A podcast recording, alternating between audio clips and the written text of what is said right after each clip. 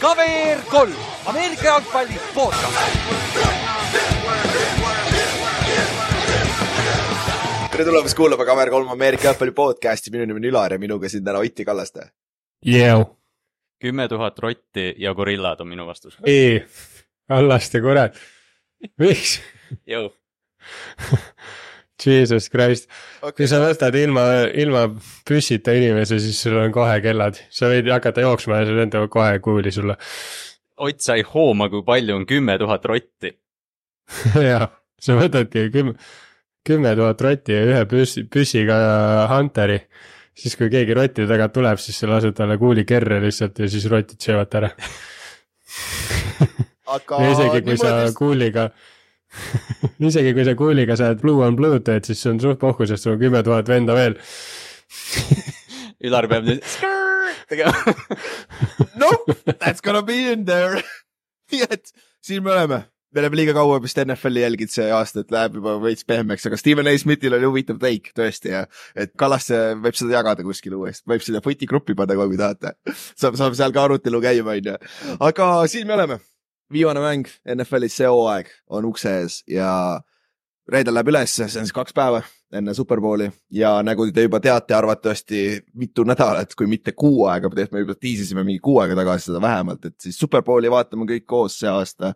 Olipet Baar ja Grillis, vaba, Vabaduse väljakul ja meil on seal erinevad mängud, live show tuleb, mis on meie enda live show, mis hakkab kell kaksteist öösel, aga üritus ise hakkab äh, pool tundi varem, kakskümmend kolm, kolmkümmend, mis tähendab, et te ei pea kodus passima ja aega parajaks tegema, et tulge, võite varem ka kohale tulla, baar on lahti, et selles suhtes saate söögid-joogid, kõik on juba olemas, meil on menüü olemas, Superbowli erimenüü. meil on seal päris head, päris head pakkumised, ei saa üldse kurta. ja, ja, ja mängudest rääkides, siis ennustusmäng, kus sa pead lihtsalt valima, kes võidab ja kõik, siis nende kõikide mängijate vahel loosime välja siis Margus Hundi ja Michael Rose'i särgid mis on nagu väga unikaalsed asjad, siis Eesti kaks poissi, kes on NFL-is mänginud, et see on niisugune lahe, lahe peaauhind sinna ja muidugi meil on ruudumäng, kes on meie vaatamis watch party del käinud, te teate, kuidas see toimib, aga seekord on hunnik auhindasid saame ära anda, et see, kas see ka päris lahe olema. ja mis, kas saimegi kõik või? jah, toit on ka. Äh, kes, kes tahab, kes tahab Ameerika jalgpallipäevaga varem alustada, siis pool üheksa tasub Sõle staadionile tulla, kus näeb flag football'i ka. täpselt, täpselt, et kui, kui te olete eriti vara kohal, et siis saad kohe saate edasi minna ju, see lõpeb enam-vähem kümnest, siis saate otse minna vabakale ja saad otse baari minna ja saad varakult kohad kätte ja värgid ja laudade mõttes viimase info järgi seal oli veel laudu, mida saab bronnida, aga noh, helist nüüd on juba viimane, viimane aeg, et helistage, küsige, kas seal on bronn, aga ka koha peal on vabad lauad ja baarileht on niikuinii vaba. pluss meil on ka seal natukene flexibility't, et me saame ka tekitada sinna sinna laud nagu ruumi juurde, et see ei ole nagu probleem, onju ja muidu saladuskatte all võib seda öelda, oli, oli boost'id, esimene sait, esimesed kolm oli boost'i on väljas ja noh, see väike, väike panustamine teeb lihtsalt selle vaatamise huvitavamaks, endal ka veik-, kus kellegi poolt rohkem olla, eriti kui sa ei ole, kusjuures sinu lemmikmeeskond ei ole seal äh, Superbowli on ju. ja saladuskatte all võin öelda, et need inimesed, kes ei ole sealsamas seal kohapeal Olibeti baaris enne panust teinud, siis te saate esimese panuse kümne euro väärtuses riskivabalt. nii et see on sihuke pisikene, pisikene nugget, et äh, saate koha peal, ta nii-öelda jutumärkides tasuta rahaga mängida. aga, aga see, see, seda saab rääkida ka rohkem koha peal, kui oleme seal ja värgid. Ja, aga mis me täna teeme siis? meil on vaja mõned uudised läbi käia. Otil on vaja rääkida Dan Quinnist, millest me eelmine kord Kallastega saime täitsa, täitsa lõpus rääkida. Ja siis me teeme väikese award show kokkuvõtte, kes on meie arust MVP-d selle aasta põhjooaja põhjal on ju. Ja kõik need. Ja siis arva ära, me breakdown ime Superbowli rahulikult päris pikalt, päris paljude statidega, et see saab huvitavam, aga prediction'id me ei tee siin episoodis, me teeme prediction'id koha peal vahetult enne Superbowli, et siis äh, ja meie live show muideks on ka Youtube'is olemas, et kui sa ei saa ise koha peale tulla, siis saad meid kuulata ikka, et siis pole, pole nagu probleemi. aga kutid, lähme siis uudiste juurde ja Ott, kuule, sa ei saanud rääkida Dan Quinnist, mis sa arvad, see viimane peatreeneri hire, mis meil oli? Dan Quinn siis läks Commandersisse, mis sa sellest arvad? mm,. ma ei tea, selles mõttes nagu ei saa öelda, et täiesti külmaks jätab, aga ma juba olin nagu arv-, ma olin arvestanud, et ta ei tule meile juba, sest et ma arvasin, et kui ta tuleb, siis ta tuleb peatreeneriks, et äh, ehk siis, kui Maiki, Maiki uudis ära tuli, siis ma nagu juba põhimõtteliselt olin Dan Quinni nagu unustanud selles valguses, mis nagu võib-olla oleks muidugi ülikõva olnud, kui ta oleks tulnud, aga mulle natuke nagu tundub, et et me liigume selles mõttes õiges suunas, et kui Mike tuleb meile, et siis ta nii-öelda ehitab oma pundi üles, mitte et me võtame ühest osad ja teisest nagu teised, et see on nagu mõistlik. Ott, mis, mis ma küsisin su Äkki. käest praegu mida ma küsisin su käest? ma ei tea ma hakkasin oma tiimist rääkima, sorry. Dan Quinnist rääkisin. ei, aga nagu sul on sul on väl- valid point küll, sest Dan Quinn oli ju peal nipea, kui Okei. Pete Carroll ära läks, ta pentselit in, nii et on Seahawksi peale Jah. ja kokkuvõttes ta ei juhtunud ja mis oli naljakas, me okei okay,, sorry. natukene, aga jaa, Ott, sorry. ma räägin siis sellest, ma räägin siis sellest osast, et mi- mis, ma arvan, et Dan Quinn on väga hea treener Washingtonile.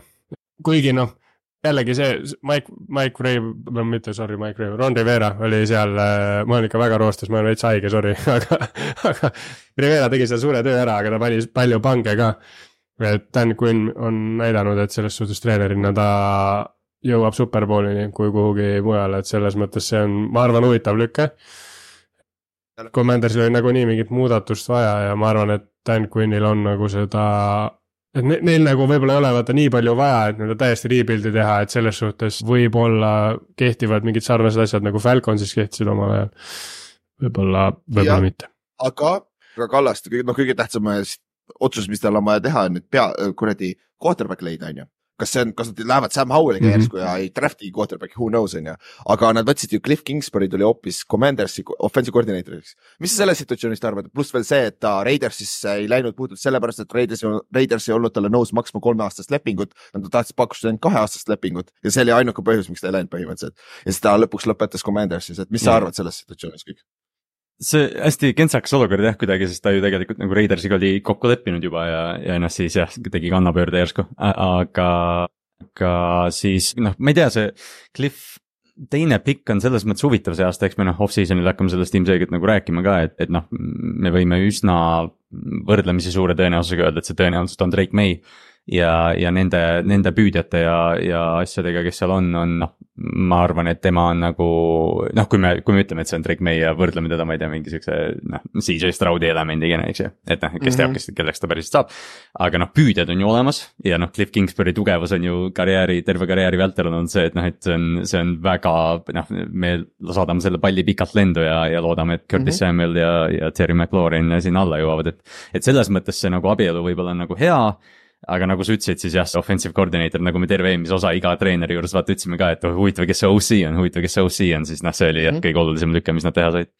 ja ma arvan ka, et see on nagu päris hea fit ja pluss veel, et Kingsbury on näidanud NFL, kolledžis nii NFL-is, et ta on hea offensive koordineeter, mis ta, Tyler Murray oli MVP kandidaat pool hoo- hooaega temaga koos, vaata, kui ta oli täitsa terve veel. et selles suhtes Kingsbury oskab skeemitada, ta mängib seda air raid rünnet võib-olla, mis selles kliimas ja selles väljakul ei ole kõige parem asi novembris ja detsembris mängida, aga who knows, on ju. aga noh, tänu sellele, et Dan. mul on natuke nagu, jah, ja räägi. natuke, natuke kahju on võib-olla sellest, et Dan Quinn läks Commandersisse nüüd, kus äh, nii-öelda nende kaitseliin ei ole enam NFL-i eliit, et võib-olla oleks tahtnud näha nagu lihtsalt seda, kuidas, mida ta oleks nagu suutnud teha selle kaitseliiniga, et nii-öelda sellest on nagu veits kahju, aga, aga noh, kunagi ei tea, eks paistab, ma arvan, et ta Ma arvan, mingi, et see midagi ikka leiutab sealt.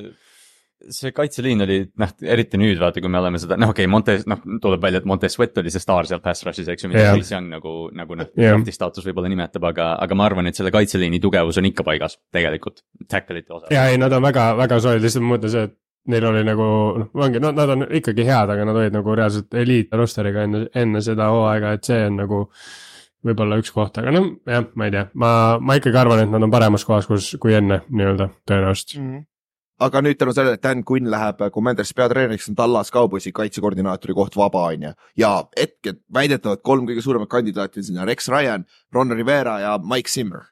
Mike Zimmer oli defensive koordineeter päris pikalt seal varasemalt, seal on connection olemas. Ron Rivera on legendaarne, on ju. Rex Ryan on Rex Ryan nagu, see on minu meelest nii Rex Ryan. Cowboysi, selliseid nimede järgi minnakse, on ju.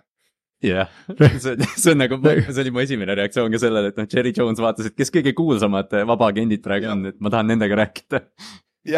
Mind nagu huvitab, et seal nimekirjas Bill Belichik ei ole, et lihtsalt Jerry Jones ei öelnud, et umbes, et me võtame Billi ja ta DC-ks, et nagu see, ma, see oleks olnud, kui see oleks olnud, siis ma oleks olnud nagu lihtsalt see, et nagu Jerry, sa oled lihtsalt Näed nagu sõge vend. ja et aga Rex Ryan on huvitav, et see vend veel nimi kuskil nimekirjas ma on. nendest nimedest, kui ma paneks kellegi, ma oleks Mike Simmeri puhtalt sellepärast, et seal on connection olemas, aga nagu tegelikult kõik, aga kõik need, nad, nendest on olnud head kaitsekoordinaatorid, aga oma asi, kas keegi läheb ka Tallasesse, sest noh, sa tead kõik, mis Tallasest kaasa ka tuleb, on ju. Mhm. Who knows, on ju. Siis huvitav, kuidas veel. nagu, kui see, kui see Simmeri lüke, Simmeri lüke nagu läbi läheks, siis huvitav, kuidas ta McCarthy'ga läbi saaks tegelikult, sest ma kujutan ette, et seal võib ka ikka konflikte tekkida. Ausalt, ükskõik milline neist- ja kui ta, ükskõik milline neist. jaa, ma mõtlesin. Riveraga, Riveraga ja, ja Rex Ryan ja, ja, ja see on päris ulme. minu arust on päris imelik, kui Rivera sinna läheks, siis ta konkreetselt läheb samas divisionis nagu liigub, okei okay,, mitte head coach'i mõttes, aga nagu päris ikkagi kõrgelt nagu, päris huvitav. Quinn ka ju tegelikult, vaata. jah, ja, ei seda küll jah, jah. see oleks, aga see oleks nagu huvitav, risti läheb nagu, nagu ah,. ja see oleks väga huvitav, kui Ron Rivera sinna läheb ja asendavad teineteist. see oleks irooniline. aga siis äh, paar uudist veel Pro Bowli koha pealt. Oli midagi lahedat, mis silma jäi? NFC võitis, Eli Manning jälle võitis, jäi. aga ma ei tea, muidu olid päris lahedad üritused, aga, aga see on rohkem ürituste oma, ega see Mul- otseselt enam nagu competition pole, on ju. mul, mulle ka meeldisid need, need asjad, mis välja mõeldud olid päris ägedalt välja mõeldud minu arust, et oli näha, et kutil oli lõbus, eriti jälle Jason Kelsil, kes nii-öelda viimaseid tossupaelu ikkagi normaalselt seal kulutab, aga, aga ei, päris, jah, aga ei, minu arust need nagu skill asjad olid päris ägedad, ma flag'i koha pealt ma ei vaadanud nagu seda, ma vaatasin highlight'e veits. seal nagu lõpus vist läks natuke andmiseks, aga ei tea, ei oska seda kommenteerida niimoodi. jah, see, mul nagu tegelikult see on, ma ei tea, seda Pro Bowli vaata kurdetakse nii palju, aga tegelikult NFL on, ma ütleks ka, et nad on nagu jõudnud praegu mingile tasemele, kus tegelikult see on nagu fännide jaoks ka talutav, et noh, jah, nagu, nagu Ott just ütles, et kõik need event'id seal ümber, et et ma ei tea, mu suurim take away oli lihtsalt see, et kuna ma olen Ravensi fänn, siis Patrick Queen oli mic'd up ja siis ma sain aru, kui palju ma seda venda igatsema hakkan järgmine aasta, kui ta kuskilt kakskümmend miljonit või viisteist miljonit saab kuskilt või Seattle'is mängib, et seda oli vinge vaadata, et et nii Rogue One kui Patrick Queen olid siis nagu Ray Lewis'e juhendatavad Pro Bowlil, et see, see oli siuke lahe kombo mm. -hmm. aga, aga ei jah, muidu Pro Bowl nagu Pro Bowl ikka. kui nagu võrrelda võib-olla NBA-ga nagu nendest Ameerika nii-öelda suurtest nendest, minu arust NFL teeb seda asja palju paremini. NBA on minu arust nagu väga ära vajunud selles, ka nendes nii-öelda kõrvalistes üritustes, mis selle tähtede nädalavahetusega nagu kokku käivad. jah, ja nagu see, seal on natukene corny on see kuradi best catch ja värgid, siuksed on natuke nagu canceldage need ära, aga nagu see, need mm, -hmm. kus Mhm. need meeskonna omad, vaata, kus nad mängivad nagu põhimõtteliselt nagu takistusjooksu teevad ja siis nagu tiimina, see on mu meelest jumala fun yeah. vaadata, kuidas need äh, liiguvad seal ringi ja nagu minu arust tegelikult see nagu see best catch'i asi, vaata noh, sest noh, okei okay,, ma olen, ma olen nagu suur dunk contest'i fänn. Best catch mulle meeldis väga, kui nad tegid seda laivis, mitte nii nagu nad praegu Jah. teevad, et nad mingi filmivad mingi yeah. valmis, vaata Ja, ja. siis kas Stephon Diggs tegi mingeid saltosid seal ja värki, vaata, et kui tal oli päris nagu see live element, siis ta oli minu arust jumala nagu hea. aga siis nad järgmine aasta hakkasid lihtsalt mingi, et noh, nüüd me, ma ei tea, jetski'de peal teeme backflip'e, mis siin toimuma hakkas. jah, jah, jah jah, minu arust ka see oli halvemuse poole jah. Aga mis minu jaoks oli üllatav, oli see, et sti-, see vend, kes see punt, punt catch'ide ürituse ära võttis, minu ma, ma ei saa aru, miks, aga ma nägin seal nii palju Kallastet lihtsalt selles vennas. nagu ma vaatasin, mida Helli vaatab, Kallaste on Pro Bowlil lihtsalt ja tüüp pani kinni ka selle. Killebrew Steelersist. no ma võin, ma võin öelda saladuskatte all, et hoidke silm peal Tallinn Bay Ballersi Tiktoki kanalil, kus Ee. võib-olla Kallaste tegi sedasama challenge'it. oh.. aga no rääkides flag'ist, siis äh, seal oli hästi palju erinevate riikide flag'i meeskonnad olid ikka kohal, vaata tegid erinevaid üritusi ja värki, et noh, see oli siuke huvitav mm. Huvitav nädalavahetus üldse onju, aga noh, eks ta, eks ta veits siuke ajatäide ole, sest et see on lihtsalt üks nädalavahetus, kus nad peavad midagi tegema enne Superbowli onju, sest et äh, nüüd saame minna ah,, me ei saa Superbowli juurde veel minna. meil on üks uudis veel, week one, NFL läheb esimest korda Brasiiliasse ja kohe esimesel nädalal läheb, mängib Eagles Brasiilias oma, oma kodumängu, ehk siis Eagles kaotab ühe kodumängu ja nad mängivad, mängivad siis, kus kohas Brasiilias see oli, mäletate või? Sao Paulos või? Vist oli äkki, aga noh, ega, ega see väga Jaa, ei, meid, küsimus. meid ei morjenda, me ei lähe ikka nii kaugele vast siit Eestist keegi on ju, aga, aga, aga iga, igal juhul on nagu huvitav sihuke nugget, et NFL liigub sinnapoole ka ja tundub, et vist see aasta on ikka ainult kaks mängu Saksamaal, kui ma ei eksi, et nad ei vii seda rohkem, et Inglismaal on ikka kolm. et äh, see, see on ka sihuke, et korra räägiti, et minnakse kohe nelja peale, nii edasi, nii edasi, on ju. aga nüüd, kuna Ott on siin, siis me saame jälle sedasama as- asja teha, sedasama mängu, ehk siis nüüd teeme väikese viktoriini ja kus Ott küsib oma paar küsimust ära, on ju Ott?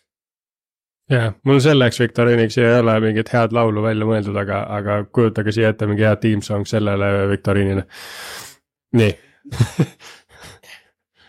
jah, jah, aga nii, minu nüüd selle nädala viktoriini küsimused on aktuaalsed ja ehk siis Superbowli kohta.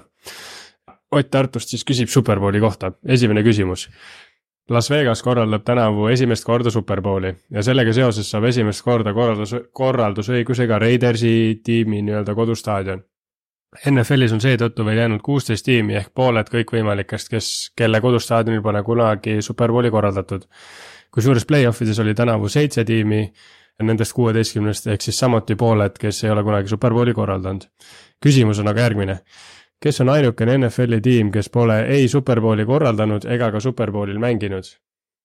mm,. hea küsimus see. on, see on päris hea, kust sa selle välja mõtlesid? okei okay,, no see neli meeskonda vist on, kes ei ole Superbowlil mänginud. ja ma vist tean vastust, vist. jah, Ülar on hull vana, ma räägin. aga oota, tegelikult mul ei tule neljas meeskond meelde praegu, kolme ma tean, kes üks, kes üks ei ole mänginud Superbowlil? Cardinals mängis ja Cardinals mängis, said tappa. Detroit ei ole mänginud, Texans ei ole mänginud, Jaguars ei ole mänginud. kas Panthers, ei Panthers on mänginud kaks korda lausa. kas, kas, oota, kas see tiim oli see aasta ka play-off ides või? kas tahate juba vihjet või veel arutate oma siis keskis? on Lions, ma arvan. Texansis, Texansis oli, Houstonis oli Superbowl. Jacksonvilis on kindlasti Super, kas? Detroit ei, ei, aga ma mõtlen, kas, kas Ford Field võib-olla, kui vana Ford Field on, ma mõtlen, et nagu kas 2000. mingi omal ajal Detroit ei võinud võõrustada või?, Ford Field on mingi kaks tuhat keskel äkki tehti või midagi taolist. ja ma arvan, see on Ford Field, ma arvan, see on Detroiti koduväljaks siis. kuigi, mis see neljas meeskond on, kes pole Superbowli ei, Detroit kõlab reaalselt jah. Browns oli, Äh, oi oot, oot, oot, oot, äh. Browns on ju neljas, Browns ei ole kunagi Superbowli oot, ja, ja, ja, ja just, just, just, just. ma mõtlen ka, sellepärast ma küsisingi seda. oota, Clevelandis ei ole kindlasti olnud sada prossa, Clevelandis ei saa olla, see on külm ilm ju väljas ja siis on Clevelandi väljak ju. jaa, ta on täiesti, teil, teil on täiesti õigus ja see on Cleveland Browns. okei, väga hea Kallasti. Nemad on siis jah, need, need neli tiimi olid siis jah, Texans, seal toimus alles hiljuti on ju, Jaguars ja Lions jah, seal on ka toimunud. jah, jah, täpselt. X käis siis, kui Houstonis toimus. Aa, Seahawks ja- Seahawks ja Pittsburgh ja see oli Detroitis ju. Ja sest Jerome Bettis läks mängis, see oli tema kodu, koju tulek ja, ja, ja kaks tuhat viis aasta või kaks tuhat kuus aastal oli, aga kaks tuhat viis hooaeg. jep, jep, jep, jep. okei, kuule Ott, ära nüüd, sa oled ikka väga kuradi, ma, ma oleks sellist asja, ma oleks küll mingi stat-, ma ootasin mingit statistika küsimust või midagi sellist, midagi lihtsat, vaata. Tuleb mingi siuksega. ei, aga hea töö, davai. see oligi liht-, siin oli statistikat. aga teine küsimus on mul ka. teine küsimus on siis nii-öelda Superbowli tiitlite koha pealt, ehk siis Superbowli MVP tiitli võtab tavaliselt igati loogiliselt quarterback, kuna tiimide rünnak käib tihtilugu läbi, läbi just selle positsiooni. samuti on üsna tavaline, et MVP võitnud quarterback viskab üks kuni mitu touchdown'i, et seda tiitlit enda pea kohale tõsta ükskord Superbowli ajaloos on aga olnud selline juhtum, kus Superbowli MVP võitev quarterback ei visanud ühtegi touchdown'i finaalmängus. kes oli see quarterback? kas ma tean seda, kas ma kuulsin seda, samas ma ei mäleta, kas ta viskas sada nelikümmend viis jaardi või? ei, kuskil just kirjas. oota natukene. mul on, mul on hea vihje, aga mis sa arvad Kallaste? ma ei, ma ei tea, kas see on õige selles suhtes, ma võib-olla ta visk-, ei kurat, ta viskas sealt touchdown'i. oi, ma pean, ma pean reaalselt nulli, ma pean reaalselt nullist tuletama hakkama. kui ma võtsin Brady kaks tuhat üks aasta, tal viskas sada nelikümmend viis jaardi, ma tean seda. aga kas ta visk-, David Kivens sai touchdown'i ju, oli, mul on see highlight praegu peas, ma just, ta ikka viskas Brady võitis touchdown'i. MVP see aasta ka või? ja ta oli MVP jah, see oli hästi jabur jah, aga ta siis tal oli see game winning drive, vaata. aga vot samas see ei ole see. Ma võin öelda- muidugi Trent Ilfer, Trent Ma- Ilfer pähe, aga nagu noh, ta, aga tema ei võitnud MVP-d muidugi. jah, ma võin öelda, et ta vis-, et ta viskas rohkem jarde kui siis- mis sa ütlesid, sada kaheksakümmend, sada nelikümmend viis. see oli, ei rohkem jah. okei, okei, aga kas sa meile selle vihjanud, on see sellel sajandil või eelmisel sajandil? no nüüd, nüüd on, nüüd on esimest korda see küsimus, mis ei ole sellel sajandil. okei okay,, davai. see mäng jah. mul oleks vaja seda Superbowli MVP-de listi näha, sest jah, oota, okei okay,, kas, kas see on, on see enne seitsmekümnendat või, või on, on see nagu kaheksakümne, üheksakümnendatel või on see nagu nii, nii ammu seda, seitsmekümnendatel? tere, ma ei mäleta. ma, ma seda vihjet ei anna, okei, ära anna ma. seda vihjet ei anna, ma võin, ma, ma võin julgelt öelda, et te, te kõik teate seda, seda mängijat. see on quarterback on ju, okei okay,, aga hakkame siis minema, üheksakümmend üheksa, Kurt Warner yeah., kindlasti, kindlasti viskas touchdown'i. üheksakümmend kaheksa oli John Elway, kindlasti viskas touchdown'i. üheksakümmend seitse oli Terrel Davison jooksja, üheksakümmend kuus oli Desmond Howard üldse, see ei lähe arvesse, ta fucking punt returner. üheksakümmend viis oli Larry Brown oli üheksakümmend viis, oli see kauboisi Larry Brown või? jaa, cornerback on ju, üheksakümmend neli oli Steve Young viskas kuus touchdown'i, üheksakümmend kolm oli Emmet Smith oli üheksakümmend kolm vist, üheksakümmend kaks oli vist. Troy Aikman, üheksakümmend üks oli aa, Mark, Mark Rippen või? Fucking üheksakümmend üks või? kuradi, ei, ei, ei olnud, ei, kes selle MVP üheksakümmend üks, kes Washingtoni MVP oli? oli see, oli see Timmy Smith ma? proovin meelde tuletada, kes eelmine aasta MVP võitis. ei, kusjuures Mar- Mark Rippen on küll päris huvitav, ei, samas nad võitsid, nad skoorisid vist päris palju. ja siis see ei saa, see peab low scoring mäng ka olema, onju. ja, Oti Oti vihje oli see, et, et me kõik teame seda mängu või noh, et ta on oota, mis see vihje oli, noh, selles mõttes jah, Ripien. ja, ja, ja, ta on, jaa. see on jah, Rippenit on natuke ra- ja, ja ma mõtlen, raske teada võib-olla. Jeff Ostekler, see kindlasti, me ei tea seda, tavainimesed ei tea seda Giantsi back-up quarterback, kes võitis touchdown, võitis, onju. kaheksakümmend, kaheksakümmend üheksa Montana ja Rice olid seal kaheksakümmend üheksa, kaheksakümmend kaheksa, ma ei mäleta, kumba pidi. kaheksakümmend seitse oli Doug Williams viskas sitaks, kaheksakümmend kuus oli. Fuck, Giantsi oma ju, Phil Sims viskas ju kuradi perfect reitinguga, ta viskas mitu touchdown'i, kaheksakümmend viis oli ju, kes? Bear ah,, Richard Dent oli, kaitses defensive end'i ei loe, kaheksakümmend neli pidi Montana olema, kaheksakümmend kolm. Jim Plunkett või? ei, ei see me, me kõik ei tea seda nime ju. Raidersi eest või? ei ole, ei ole Jim Plunkett on ju? ei ole Blanket, ei ole. see peab mingi suurem nimi olema. Ja see peab surema, aga minu kes? arust, kas lase edasi, lase edasi, Ülar, lase edasi, Ülar. kas, ma, kas Jim Blanketi aastal ei võitnud Markus Allan? jaa võitis ja. Markus Allan minu arust kaheksakümmend kolm oli- Markus Allan ja, ja kaheksakümmend, kui Jim Plunkett oli quarterback, siis võitis Jah. see kuradi linebacker, kellel oli kolm interception'it, mis Rootsi, fucking, mis ta nimi oli, ma ei mäleta. kaheksakümmend üks Mhm. oli Montana, kaheksakümmend kaks oli, kes Redskins võitis? ma arvan, see oli, ma arvan, see Taisman oli võitis, aga me ei tea Taismani nime ka Taisman ilmselt on.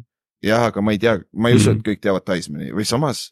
ei, see oli ju see oli kõige highest scoring äh, rünne üldse NFL ajaloos sellel hetkel, nad ei skoorinud null passing touchdown'i superbowlil.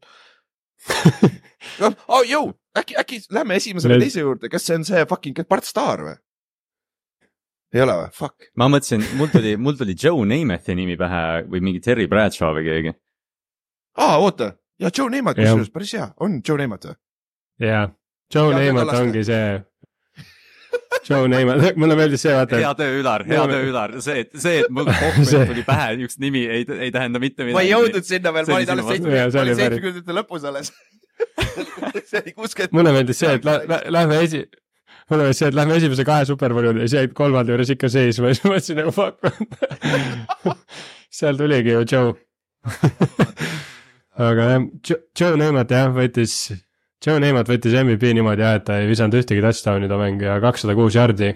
kui sa vaatad, kui sa vaatad Joe siis- karjääri numbreid ja vaatad, vend on hall of fame'is, vaata neid numbreid nagu, siis sa mõtled küll, et mismoodi tema hall of fame'is, ta on reaalselt selle ühe superbowli võidu pärast hall of fame'is nagu, see on täiesti sõge nagu, et see tema karjäär oli sihuke huvitav nagu ta. aga no Colts, nad mängisid Coltsiga, seal on ka huvitav on see, et Coltsi quarterback'id, et noh, Jets vaata ei sa- visanud ühtegi touchdown'i, aga nad ei visanud ka ühtegi interception'it, aga Coltsil oli reaalselt täiesti kohutav päev söötmisega, Johnny Unitas sada kümme jaardi, üks int, nelikümmend kaks passer rating ja siis Mural viskas seitseteist palli, seitsekümmend üks jaardi, kuus completion'it, kolm inti, üheksa koma kolm passer rating, üheksa koma kolm, kas, jah. täitsa pekkis. aga, aga Earl Muller võitis äh,, ta oli perfect Dolphinsis vaata, ta oli back-up quarterback Chris'i taga ja Chris'i oli pool aega väljas, siis Earl Muller võitis, võttis võidud ära ja ta sai oma superbowli kätte seal pärast seitsekümmend kaks Dolphinsiga, et selles suhtes sai oma comeback'i kätte või sai oma ringi kätte vähemalt.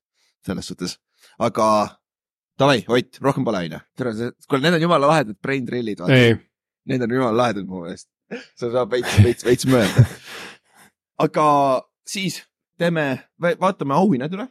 me, ma võtsin äh, finalistid on teada, iga auhinna finalistid on teada, hääletus on tegelikult juba tehtud, sest see on põhjooaja taustal ja siis me põhimõtteliselt arutame need ennustused läbi või need äh, au- NFL-i auhindade ennustused ja arv-, kes, kes me ja lõpuks, kes me arvame, et see võidab, onju. selle võidab siis, jumal küll eesti keel. aga alustame kõige lihtsamast, kõige suuremast auhinnast, MVP. ja hooaja lõpuks kõige suurem favoriit oli Lamar Jackson ja ma ei tea ausalt öeldes, kas siin ongi teist argumenti Lamar Jacksonile või? põhi, hooaja MVP-ks või? ei ole, ei ole. just mitte, ilmselt mitte. ilmselt mitte, aga kes saab teha selles mõttes, et noh, põhimõtteliselt kui sa tahad nagu, kui sa tahad nüüd venitama hakata, siis nagu noh, me võime Brockist rääkida, me võime Dakist rääkida. noh, jah. CMC-st. see McCaffrey nimed sisse tuua. aga Jah. Mhm. yeah., aga noh, see, mis ta jah, nagu sa ütlesid, nagu mis ta hooaja lõpus San Francisco ja Miami vastu tegi, ma arvan, see pani kinni selle asja. Mhm. ja noh täpselt, et Lamar, et nad jah, jah, jah, ei olegi midagi öelda. ja noh, teised nagu me ütlesime, Christian McCaffrey on ainuke non-quarterback seal finalistide seas, Dak, Dak Prescott on Brock Birdi ja Josh Allan on seal ja Brock Birdi on teine favoriit, teiseks kõige kõrgema ko- koefiga, aga see Lamari koef on nagu olematu põhimõtteliselt, et ta on suur-suur favoriit ja suur tõenäosusega võidab ka. aga mis on nüüd huvitav, on see, et offensive player of the year'is on ka Lamar Jackson ja tegelikult minu meelest, kuna ta niisugune quarterback ta eriti veel on, et ta minu meelest kuuluks ka sinna, aga seal ta ei ole suur favoriit, seal on ikkagi kõige suurem favoriit on Christian McCaffrey ja siis on Tyreek Hill, et nagu mis on tegelikult no Mhm. see on tegelikult loogiline ka selle, sellepärast et Tyreeki hooaja lõpp oli see vigastuste küüsi küll läks, aga kui Tyreek oleks kaks tuhat jardi teinud, siis see oleks close im, aga nagu kui, kui tagantjärgi mõelda selle peale, et Christian McCaffrey tegi kakskümmend üks touchdown'i ja, ja, ja nagu see oli suhteliselt selles mõttes päeva lõpuks oli see niimoodi, et noh, et ma ei tea, et on CMC, et vahet ei ole. siis selles mõttes on see päris haige ikkagi, et vend on nagu next level lihtsalt. no aga ma mõtlengi selle koha aga ma arvan, Tyreeki see hooaja lõpp jah. Tyreekil lõppes, lõppes see hooaja lõpp ja Dolphins üldse läks, vaata hooaja lõpp läks veits käest ära ja sealt kadus see haip ära mm. -hmm. aga Chris, sul on Christian McCaffrey'ga nii hea point nagu, kui ma vaatasin neid äh, tulemusi, on ju, siis neid äh, ko- koefe, siis mõtlesin nagu Christian McCaffrey miks ta number üks on, mis ta tegi nii erilist? las ma loen teile statline'i ette. tal oli, tal oli tuhat nelisada viiskümmend üheksa rush yard'i, ta mängis ainult kuusteist mängu, ta viik-, viimasel nädalal ei mänginudki, on ju. ja ta juhtis üle saja yardiga, Lebolt võitis ära rushing crown'i NFL-is tal oli kakskümmend üks total touchdown'i, ta yards per carry on viis koma neli ja ma ütlen kohe receiving yard'id ka ette. kus sa oled, kus sa oled siin, receiving yard'id ka. sul on äh, kuuskümmend seitse catch'i ja viissada kuuskümmend neli yard'i, see seitse touchdown'i ehk siis kokku kakskümmend üks touchdown'i, mis on tema karjäär high nagu, et ta oli pika puuga NFL-i kõige parem running back, aga minu meelest minule isiklikult jäi rohkem parem mm, Mhm. -hmm. mina, ma ei pannud tähele, et tal sihuke hooaeg oli, et, et sa Kallaste nõustud. ta oli loom jah, pigem, pigem CMC või? ja, ja täpselt seesama Tyreeki põhjus, et noh, kui Tyreek Hill oleks kaks tuhat jard, kaks tuhat jardi teinud, siis ta oleks selle võitnud selles mõttes, ma olen üsna kindel, aga jah, see, mis tal seal hooaja lõpus juhtus, nagu on noh, jah, võttis ta sealt auhinnast välja, et see on McCaffrey, ma olen üsna kindel selles, okay., väga okay. kindel. kas siin on ka veel CD Lamb ja Dak Prescott on seal ka ja Lamar Jackson, aga kuna tundub, et NFL läheb seda teed, et offensive player of the year tuleb mitte quarterback vaata, aga samas, kui sul on väga hea quarterback'i Mhm. mm, -hmm. miks sa seda, Mhm. miks sa pead quarterback'i kali- karistama, ta on ka ju offensive player vaata. aga jah, see on selle koha pealt, tundub, et CMC on see, kes võidab selle ikkagi ära jah. ja aga defensive player of the year, vaat see on nüüd, see, see oli veel huvitavam, Miles Garrett on favoriit, siis on Maiko Parson, siis on DJ Watt, siis on Max Crosby ja siis on Daron Blandon kuskil taga alles. mis on nagu ausalt, Miles, Miles Garrettil oli mul veel suurem probleem, nagu ta on hea mängija, ta on super hea mängija, aga minu meelest tema efekt seal kaitses ei ole nüüd nii suur. mina võtaks Crosby tast üle, ma võtaks tast Parsonsi üle, ma võtaks DJ Watti üle tast. ma ei tea, see on minu isiklik arvamus, aga, aga mis, mis, mis te arvate sellest? näiteks äh, Ott, mis sa arvad? alustame sinust.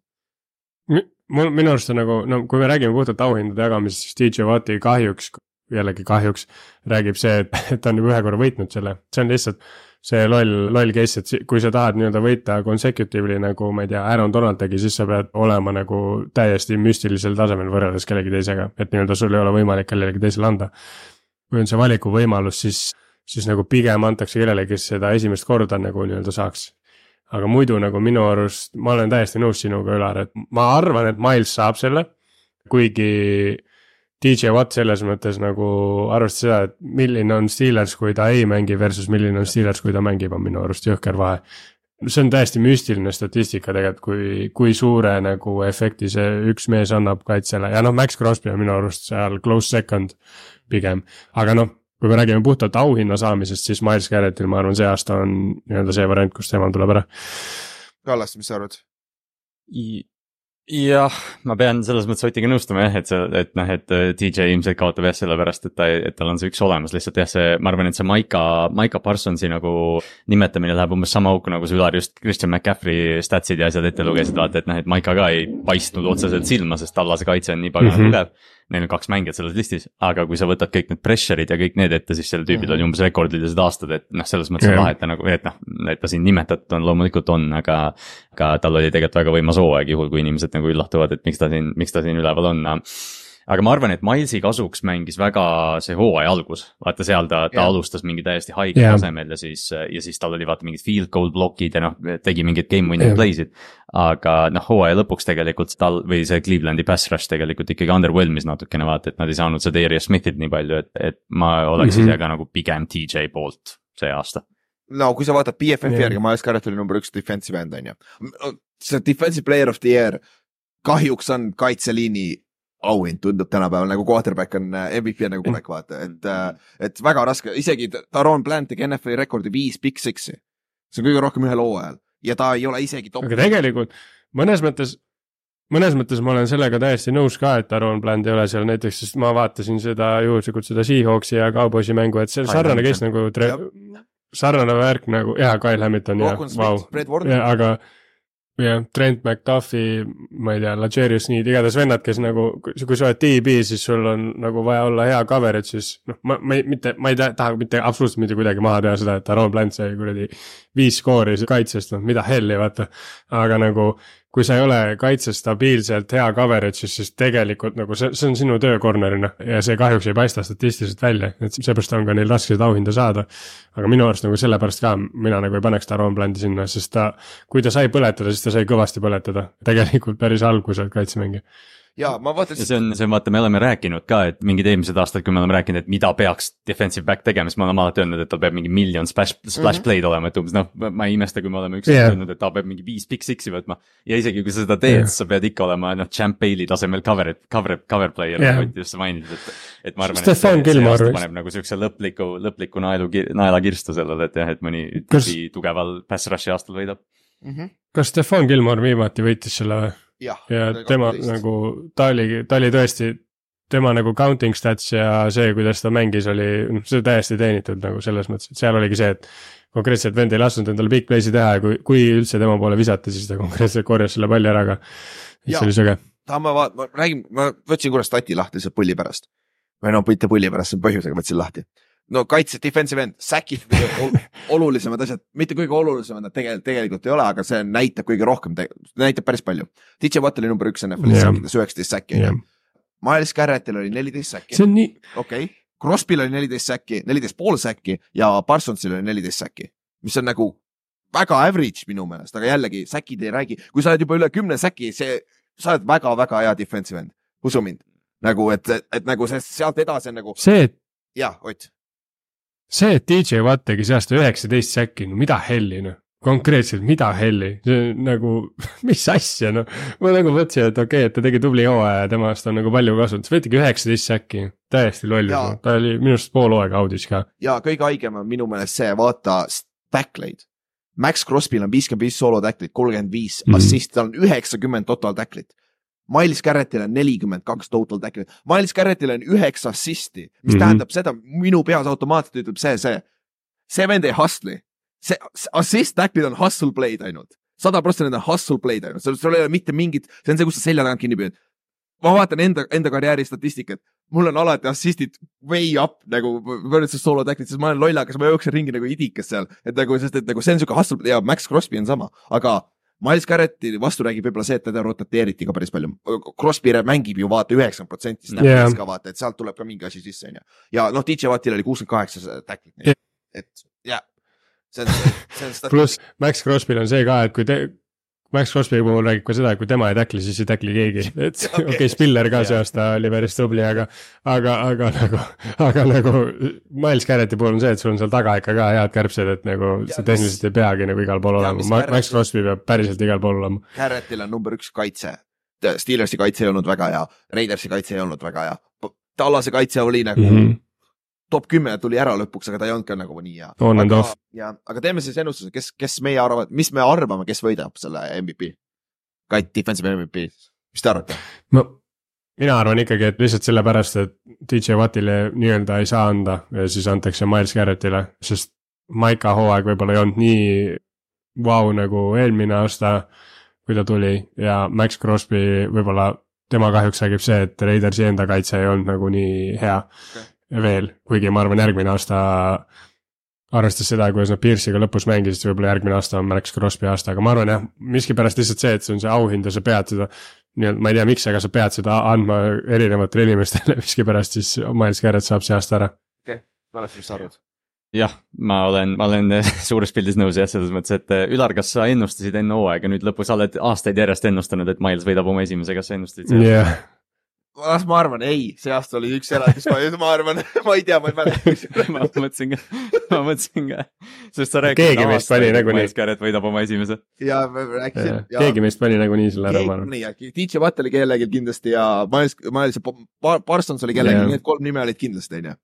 Et aga seda vaatame jah, peale Superbowli me saame need listid üle käia, seal on veel huvitavaid äh, prediction'id, mis ei läinud täppi, nii et aga noh, selle juurde jõuame jõuame sinna, onju. et lä- järgmine äh, award, offensive rookie of the year, see on vist lihtne. või on lihtne või ei ole, mis te arvate? minu arust on lihtne, on küll. Aga on sul on puka. ei, on küll jah, me võime selle, me võime selle keeruliseks rääkida, aga see on lihtne. okei okay., CJ Stroud on ju, kes jah, viskas neli tuhat jaardi, viies rookie quarterback NFL ajaloos, kui ma ei eksi, kes viiskümmend viis tuhat, neli tuhat jaardi ühe loo rookie aastal on ju. aga kõige haigem selle juurde, kõige kahju, kahju on selle juures see, Pukal oli reaalselt ajalooliselt NFL-i kõige parem receiver'i rookie hoo- hooaeg ju tegelikult. ja ta, ta ei ole isegi conversation'ist on, aga täpselt, mis me ütlesime, see on CJ Stroud, sest see on quarterback, vaata. see mind nagu häirib selle juures ja, et kui on see nagu, et, et rookidel võiks olla ka nii-öelda rookie MVP ja offensive eraldi. kui sul on nagunii seal nagu üleval see eraldi, miks, miks siis rookidel nagu ei ole, et see on minu arust nagu naljakas, aga, aga noh, jah ma ei, noh okei okay, val, valim on ka väiksem ilmselgelt, aga, aga jah, põhimõtteliselt ongi, kui sul tuleb mingi hea rookie quarterback, siis kõik skill player'id võivad nagu Kusjuures- sellest auhinnast suu puhtaks pühkida. kusjuures nagu, kas see on, kas siin oleks argument, et äkki annaks üldse core rookie of the year'id? ja ma olen ka mõelnud selle peale. sest et seda on, ma ei tea, kas NFL-is rookie of the MVP mm. On juhtunud um,, Steve McNair ja Peyton Manning võitsid su MVP samal aastal, kaks kolm vist yeah. sellist, et ja nagu vaata, kas yeah. Ant Hill ja Jason Kidd oli NBA-s vaata core rookie of the year'id siis noh. jah, rookie, nad said rookie, nad said rookie of the year'id mõlemad. ja et see oleks mm. -hmm. kusjuures huvitav asi, mida teha siin, aga noh, eks me näe, et seal peavad punktid kõik äh, võrdseks minema siis on ju. aga davai uh,, defensive rookie of the year. ma loen ette, kes siin üldse listis on, sest see on minu meelest keeruline. sul on Bill Anderson, Texansi defensive end on ju, Jalen Carter, Eaglesi defensive tackle, Joey Porter Jr, Steelersi cornerback, Kobe Turner, see on see vend, kel, kelle tõi Kallaste Moradaarile hooaja keskel paganama Ramsey nose tackle ja Dev- Devon Witherspoon äh, siis cornerback Seattle'ist on ju. et favoriit on Carteris ja siis on Bill Anderson on teine, aga ausalt öeldes peale esimest paari mängu wow. Ma mäletan, Carterit ma, nime ma ei kuulnud üldse nagu üldises me-, mm. -hmm. et Jah. Anderson. ja Will Andersoni Ma- ma... siis nagu väga esile seal lõpus mm.. täpselt, et mina, ma oleks ka pakkunud, et on Will Anderson ja Devon Witherspoon, aga Devon De,, Witherspooni hooaja lõpp oli suhteliselt vajus ära, siis ma ole, pakuks, et Will Anderson võtab selle recency bias'i pealt ära. arvad jah? Kallaste, mis, mis sa arvad? jah, Hmm. See on kõige raskem neist, sest nagu ma tahaks Jah. ka Andersoni valida, aga ma arvan, et äh, ma arvan, et see on Jalen Carter. ma arvan ka, et see on Carter millegipärast. ma ei tea, miks, aga sest noh, BFF-i järgi Carter oli top kaheksas defensive tackle NFL-is on ju, aga noh, see on BFF ka on ju, aga, aga ma ja ta millegipärast. oli, ta oli pikalt tegelikult noh, ta oli ikkagi pikalt noh, ta oli suurem osa hooajast algusest peale tegelikult ta oli number üks vaata pikka aega seal. nagu Eagleski nagu jah, hea point. et noh, kas, sest ja samas kui Will Anderson nagu alustas aeglaselt, et noh, see täpselt vaata ongi see asi, et noh, et kas me nagu noh, me peame iseenda seda recency bias'it nagu praegu tagasi lükkama, kuigi tegelikult Will Anderson lõpetas hooaja päris tugevalt. ma tahtsin, aga üks nime, mainisime teda paar korda, Joey Porter Jr, tal oli väga rahv esimene kuu aega, aga hooaja lõpuks ta oli, ta mängis eliittasemel cornerback'i välja, välimine outside corner'i ka veel seal Steelersi kaitses. ma võtan korra BFF-i lahti, ma tahtsin põlli pärast näha, mis BFF ta gradiks pani. et aa, no viiskümmend kaheksa, okei okay,, nii kõrgel ei olnud, kui ma eeldasin, aga ta väga hästi mängis hooaja lõpus, seda noh, kui kui sa kuuled spetsialistide käest ja et äh, see on ka üks nimi, mis jääb varju, sest et tal statist-, statistikat pole ka passer rating ta vastu oli mingi jaburalt madal ja siuksed asjad, et ja noh, Devon Withers mm. -hmm. see üks Giantsi vastu oli see hea mäng, kaks säkki või? või, või tal oli üks, jaa, kaks säkki ja Big Six, üks säkk, üks Big Six oli kindlasti, ma ei tea, kas ta teises. jah, et, et see ja see oli see mingi üheksakümne, ma ei tea, viiejaardine. mm. -hmm, mm -hmm. ja et tal oli ka väga-väga hea rookie aasta selles suhtes ka ja Kobe, Kobe Turner oli üheksa säkki, mis nose tackle'i pealt, see on nagu jabur. nagu Aaron Donaldi kõrval ka veel nagu see on jabur tegelikult. aga lähme siis mm., lähme siis comeback player of the year'i juurde. Ja ma arvan, et see on Damar Hamlin ikkagi jah, sest see vend suri ära ja siis mängis NFL-is, mängis vist kolm kas mängu. keegi julgeb? mina ei, let it be noh. Ja just, just, no see, see Keegi, tüüp jah. suri väljakul ära ja tuli tagasi tippsporti tagasi, see on tema auhind, see on tema nimeline auhind Jah. Alex Smithi, Alex Smithi unustame ära. kuigi Alex Smith ka peaaegu suri ära. see ei ole, ta ei olnud, ta ei olnud väga kaugel, ta oli ka seal mingi, no see on sihuke huvitav jah no see, see on jällegi, see auhind ise. ja, ja ei, ma olen nõus, aga see auhind iseenesest on nagu imelik auhind minu arust. nagu me oleme Kallastega ka rääkinud, siis palju, enamus hooaegadel palju loogilisem auhind oleks most improved player of the year. Comeback player of the year, eriti veel, kuna seda antakse tavaliselt most improved player'ile, see on väga imelik minu arust üldse. või siis vigastused, on ju. Aga that, that being said jah, Tamar Hamlin nagu, kui sa võtad puhtalt, kes tegi kõige suurema comeback'i, siis ma arvan, seda annab ületada jah. täpselt. ja siis viimane auhind, coach of the year. ja nüüd me räägime, siin on, ma vaatasin seda, mul äh, favoriit on äh, Kevin Stef-, ei ole ka Kevin ah,, ongi Kevin Stefanski on suur favoriit. aga Kevin Stefanski võitis ju kaks aastat tagasi või kolm aastat, kaks tuhat kakskümmend aastal võitis, vaata kui nad Brownsiga play-off'i läksid. Mm. viimati jah, et kas siin on see ja Demeco Ryans on teine, siis on Dan Cam- Campbell on kolmas ja siis on Jo- John Harbaugh ja Kyle Shanahan on neljas ja viies. et nagu, mis, mina annaks Demecole selle. no ma võin kohe öelda, et Kyle Shanahan ja John Harbaugh ei saa kumbki seda, aga et võime need ära välistada ma, ma nagu, ma natuke näen seda, et kui Dan Campbell see aasta ei võta, siis, siis tal on edaspidi väga raske seda saada, mis muidugi savi, aga tahaks, et Dan Campbell selle auhinna saaks mõnes mõttes, aga minu arust ma, ma ei oleks üldse kurb, kui Demeko või Stefanski kumb saaks, aga jah, tõenäoliselt Demeko saab, sest et jällegi see esimene auhind teema. mingil määral küll jah, Kallas, mis, siin on nüüd, mul on see, mul on see et jama, et Kyle Shanahan pole seda võitnud.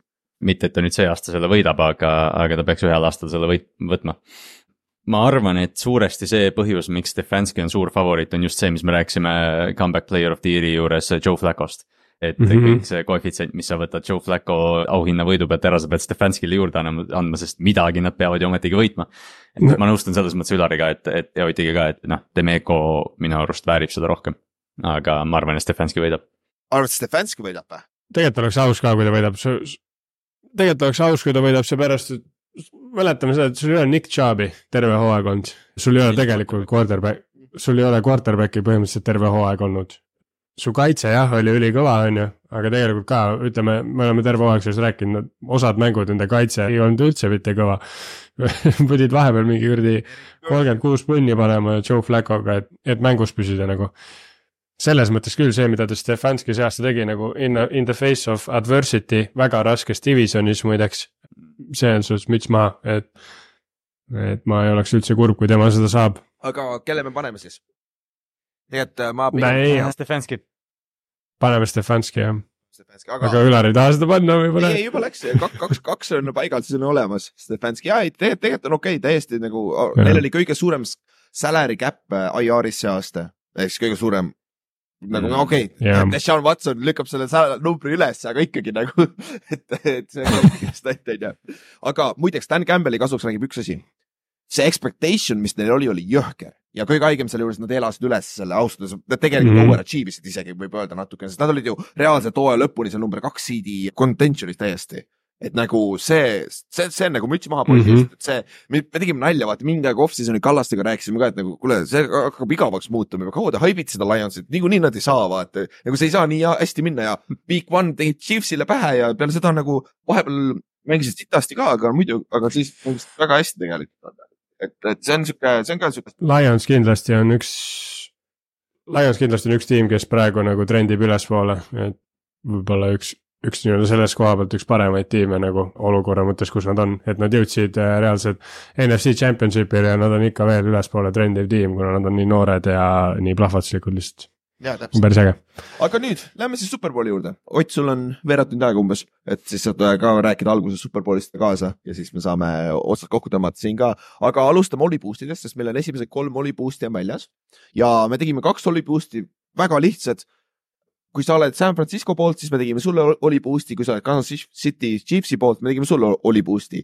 aga kuna need koefid ei ole nüüd nii kõrged, siis me panime sinna juurde San Francisco võit pluss CMC touchdown, mis on kaks koma kuus koefiga ja Chiefsi võit ja Travis Kelci touchdown on siis kolm koma, kolm koma seitsekümmend viis koefiga ja kui CM, Ott ütles seda enne lindistamist hästi, isegi kui San Francisco ei võida, CMC skoorib touchdown'i, jah, see tõenäosus on väga-väga suur, et CMC skoorib touchdown'i.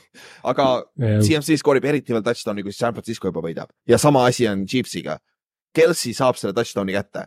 Ja siis tõenäoliselt nad ka võidavad, et see on sihuke ja noh, okei okay,, me kopisime selle paganama parlei eelmisest nädalast või üle-eelmisest nädalast, kus me võitisime ka samamoodi Kelci touchdown'i ja Chiefsi võiduga onju aga, aga ja mõte jääb ikka samaks onju.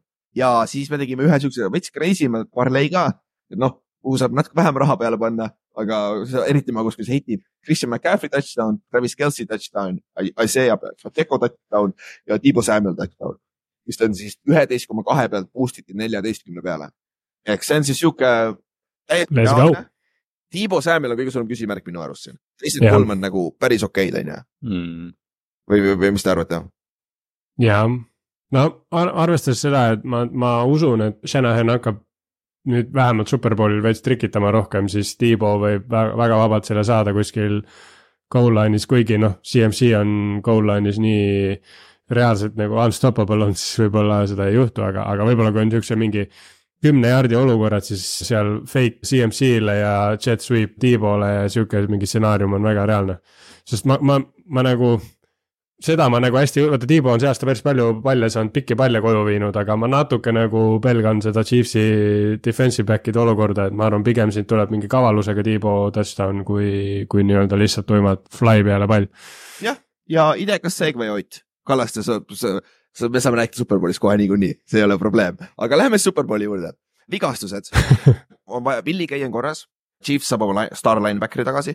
Joe Tooney nice. on unlikely to play, nende superstar left guard, tal on see torn back, tal ei ole isegi partially torn, tal on täiesti torn back. nagu see on päris, päris suur küsi-, probleem nagu mm. ma mm. mängisin terve pool hooaega partially torn back'iga nagu see on väga-väga suur probleem, kui sa ühte kätt ei saa liigutada nagu Cedric McKinnon toodi tagasi IR-ist aga Reed ütles, et unlikely to play. Et see on nüüd, ma ei, ma ei tea, miks nad seda tagasi tõid, et ma ei tea, võib-olla talle mingi setback või midagi, eks näis. Siilak, palju õnne, sa juba tegid ennustuse, et McKinnon skoorib touchdown'i, okei okay,, ta ei mängigi arvatavasti, aga noh, siis äh, asendame selle siis äh, Sky Moore peaks mängima. Charles Om Omenu on torn ACL, ta on väljas eelmises, eelmine nädal on ju Chiefsi defensive end ja Forty Ninersil ei ole midagi mm, -hmm. kõik, kõik on terved pole, pole mitte kedagi injury report'is praegu, et nagu neil on okei. Okay. wow.. et noh, nad kaotasid, on ju selle safety, kes see, Ufanga jah, Ufanga on kõige suurem kaotus olnud see aasta on ju neil. aga muidu on neil päris terve. Yeah.. aga rääkides kahest meeskonnast, meil on siis Chiefs saab Forty Niners Superbowlil, see on Forty Ninersi jaoks kaheksas Superbowl, Chiefsi jaoks on see kuues Superbowl. lihtsalt reference'iks, enne kui Patrick Mahomes läks Kansas City Chiefsi, Chiefs oli kaks korda Superbowlil olnud, Superbowl üks ja Superbowl neli, nad võitsid Superbowl neli, Superbowl ühe kaotasid ei, oli Superbowl kaks, kurat, üks või kaks, ma fuck, ma ei mäleta nüüd. Backersile kaotasid ükskõik kummal nendest, eks see point on sama, on ju. et, et äh, lihtsalt see, mida Mahomes ja Reid on teinud, aga me rääkisime sellest eelmine nädal. ja eel- viimati nad mängisid Superbowl viiskümmend neli ehk siis neli aastat tagasi, kus Chiefs võitis kolmkümmend üks, kakskümmend ja me kõik teame, mis seal lõpus, see bust play seal lõpus on ju, kus kaheksa minutit mängida, Chiefs oli kümnega maas on ju. et ja tulid tagasi, skoorisid kolm touchdown'i viimase kümne minutiga või, et see oli nagu, see on Shanahanil siiamaani ja Jimmy Garoppolo'l siiamaani peas on ju. aga alustame sealt. võtame selle match-up'i ette, Chiefs, Forty Niners, teie jaoks, mis on kõige huvitavam match-up, kõige intrigeerivam match-up. ükskõik, kas mängijate vahel, coach'ide vahel siin mängus nagu, mis see, mis see kõige, kui see, kui see mäng esimesena tuli üles, mis esimene asi kohe pähe lõi nagu väljaku peal?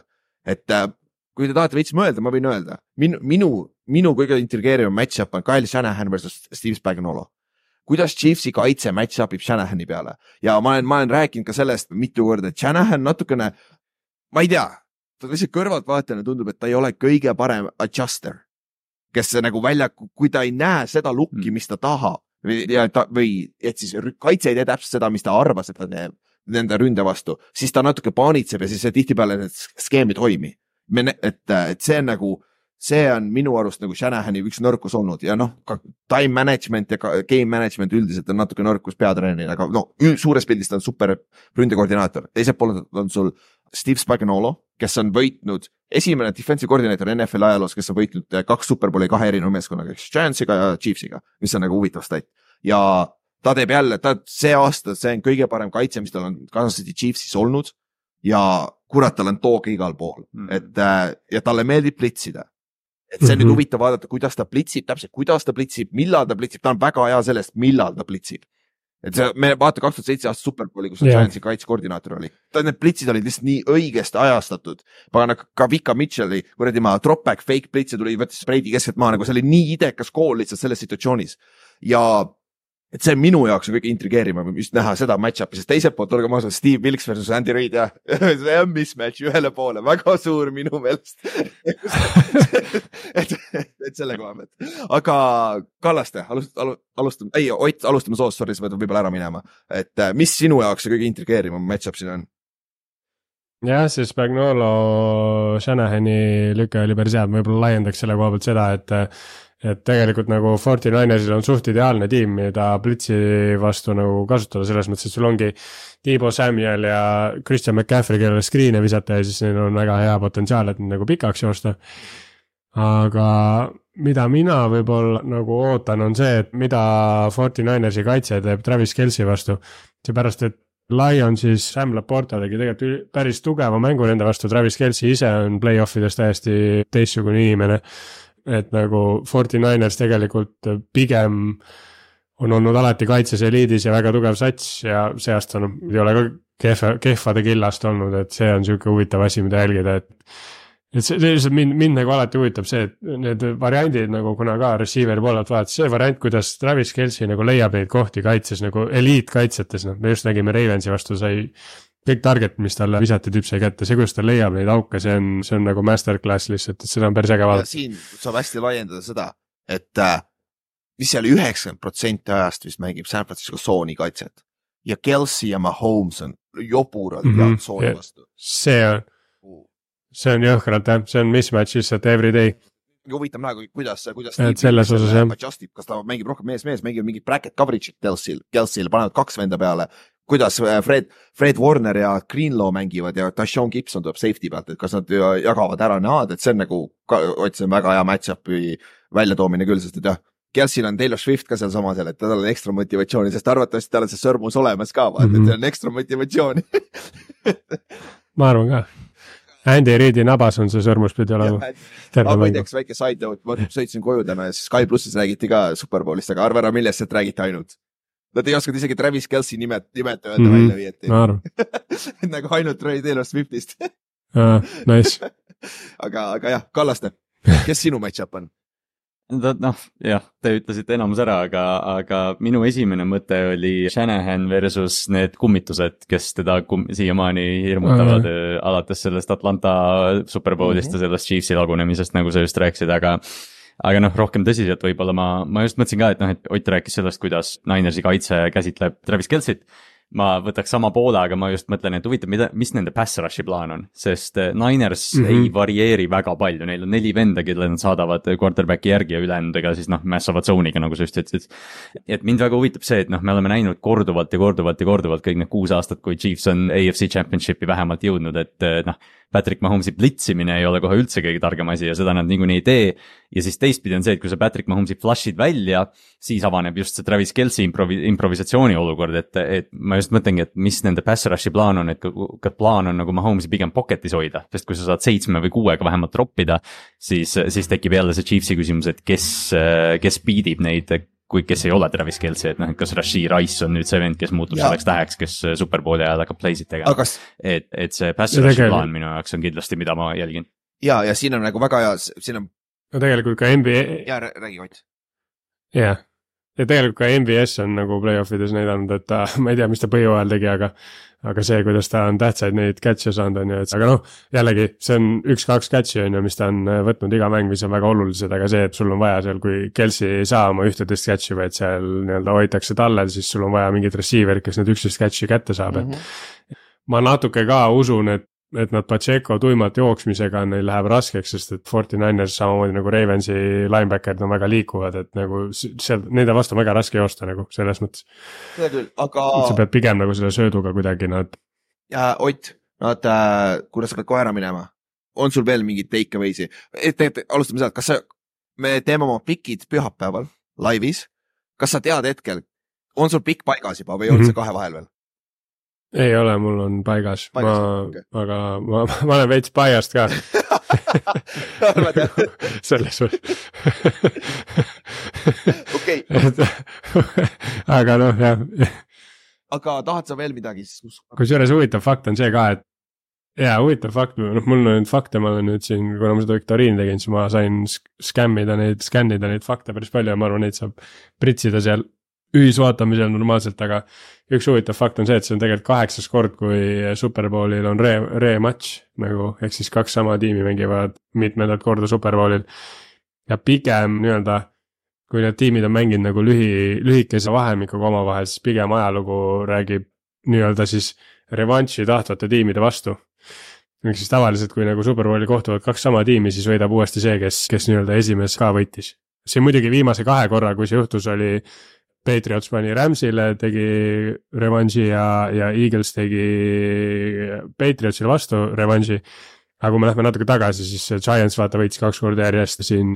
noh, ühesõnaga pigem, pigem on jah, see trend on nagu niipidi, et kui sa juba ühe korra saad sa ühelt tiimilt kotti ja sa a la mingi paari aasta jooksul uuesti lähed, siis sul on päris raske nagu seal seda ümber pöörata mm. -hmm. seda küll jah. lihtsalt võib-olla mille silma peal hoida. jaa, aga kui palju see mängib rolli, siin mängib rolli, sest tegelikult siin on samad, päris palju samu mängijaid, aga San Francisco'l vist on seitse mängijat. jah, siin on väga. ainult vist, kui ma ei eksi. ja, ja, ja noh, Chiefsil ka ütleme need, kes sõidavad, kusjuures ma vaatasin seda eelmise match-up'i highlight'e nüüd uuesti ja ma olen üldse vaadanud neid, kuidas Chiefs on jõudnud mingitele superbowlidele ja kuidas. Forty Niners on jõudnud just highlight'e ja siis huvitav oli see, et sihuke vend nagu Damien Williams tegi vaata jõhkra mängu seal Superbowlil ja, ja siis see vend on nagu täiesti ära kadunud. nagu noh, nagu ikka Chiefsi running back'id siin viimasel ajal, aga jah, päris nagu huvitav, et mõtlesin, aa vau, et see vend, see vend oli ka ju relevantne mingi aeg, et see on päris äge. aga kuule, Ott, davai, näeme siis pühapäeval. Olipeti baari grillis on ju? Enjoy your practice. niisiis Ott on läinud, aga nüüd ma tahan tagasi minna Ott, Ott jah, Kallastasoo punkti juurde, sest et see on nagu tegelikult räigelt fascinating vaadata, kuidas San Francisco plit-, äh, kas nad plitsivad esiteks ja kuidas nad seda teevad, sest et äh, Mahomes on ka ju NFL-i liider oli äh, scramble yardides. ehk siis kusjuures, kui sa räägid siin rushing yardidest, over-under'ist, siis selle Mahomes saab, teeb paar suurt scramble'it tavaliselt, eriti mängu lõpus, kui on vaja. et äh, see, ta võib selle rushing yard'id saada täis reaalselt täiesti viimasel drive'il on ju. et see on üks asi, millel silma peal hoida, et kas sa plitsid teda ja ka teine asi, mis on ka vaata, Mahomes on väga hea plitsi vastu, nagu väga-väga hea, aga plitsi vastu sa saad ainult hea olla, kui su supporting cast on hea. ja kas see ei ole nüüd aasta, kus, kus võib-olla oleks väärt natuke plitsimist? et nagu mis, nagu mis sa arvad, sest et nagu kui, kui, kui sa Kelsi kinni saad, keda sa usaldad tegelikult, nagu keegi ütles, tule, Chris Sims või keegi ütles või oli see Peter King, keegi ütles, et nagu jäta MBS, pane Avery Johnson, kes on San Francisco nõrk koht on ju secondary's. pane MVS talle peale, täitsa savi, see fifty-fifty chance, et MVS üldse selle kinni püüab ja siis hakkame rääkima, et selle kaitse ka veel juures on ju. et nagu sa pigem võtad need chance'id kui see, et sa Kelsey jätad üks-ühele kellegi peale. Valid point tegelikult nagu, nagu mis, mis sa arvad, kuidas sa, on sul mõtteid, kuidas San Francisco seda teha võiks või mismoodi? no mõtteid on kindlasti ja ma ei ole kindel, et ükski neist toimiks tegelikult, aga, aga noh, eks, eks kõik tiimid lähevad Patrick Mahomes'i match-up'ile ja mõtlevad, et kuidas nad survet avaldada saavad, eks ju, iga quarterback'i vastu, aga, aga noh, sa pead kuidagi jõudma, et just see, mis vaata, mis me nägime eelmine kord Baltimori vastu, see näiteks need esimesed kaks drive'i, eriti vaata see Travis Kelci touchdown alguses kohe, kus ta Kyle Hamiltoni vastu üks-ühele, et, et täpselt see, mis sa rääkisid sa pead proovima nagu teha mõlemat, et noh, ideaalis sa jõuad viiega kohale, kui sa blitsid ja siis sul on bracket Kelsi peal, et ta ei saaks seda kiiret palli panna Kelsile, aga noh, siis ongi just see, et noh, see on seesama küsimus, mida me oleme rääkinud terve aasta Kansas City kohta.